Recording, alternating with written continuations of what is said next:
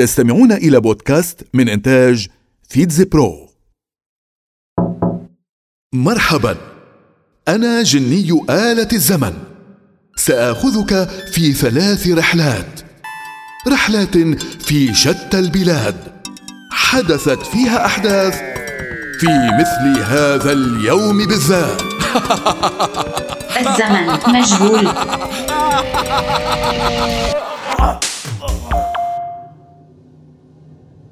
السلام عليكم أنا الطفل الفلسطيني أمثل كل الأطفال الموجودين في فلسطين هل تعلم أن الكثير منا لا يزالون يفتقدون أبسط حقوقهم في الحياة؟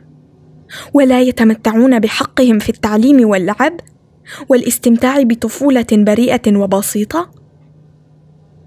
العديد من المنظمات الإنسانية ونشطاء حقوق الإنسان يقومون بجهود التوعية حول حقوقنا في العيش بكرامة وأمن وأمان.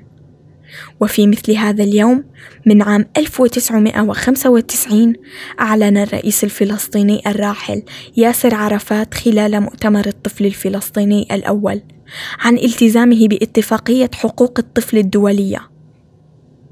وبذلك تحول هذا اليوم ليوم الطفل الفلسطيني. 1942 بونجور. لقبوني بالموسيقار. حصلت على العديد من الجوائز والأوسمة حول العالم. اسمي أبو مجد. ملحم بركات. أنا ملحن ومغني لبناني. ظهرت موهبتي في التلحين منذ صغري.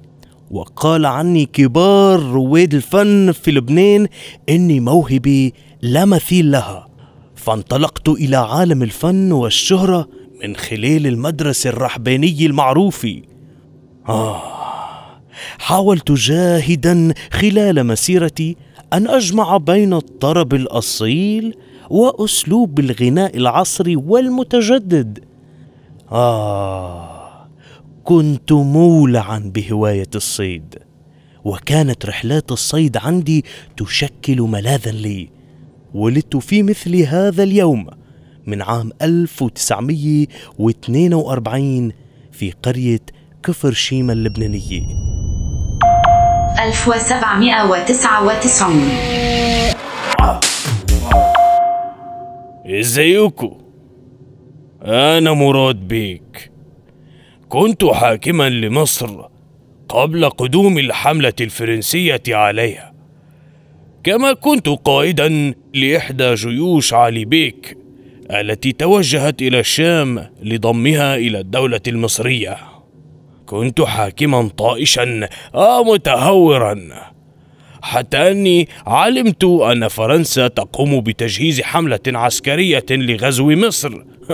فاستسخفت الموضوع ولم أعطه أهمية كبيرة. أوه.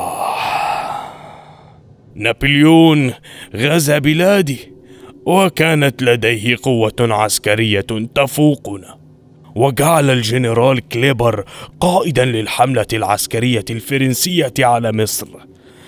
استمرت المراسلات بيني وبين كليبر إلى أن اجتمعنا في الفيوم واتفقنا أن أحكم الصعيد باسم الجمهورية الفرنسية. كان هذا في مثل هذا اليوم من عام 1799 العودة إلى الواقع.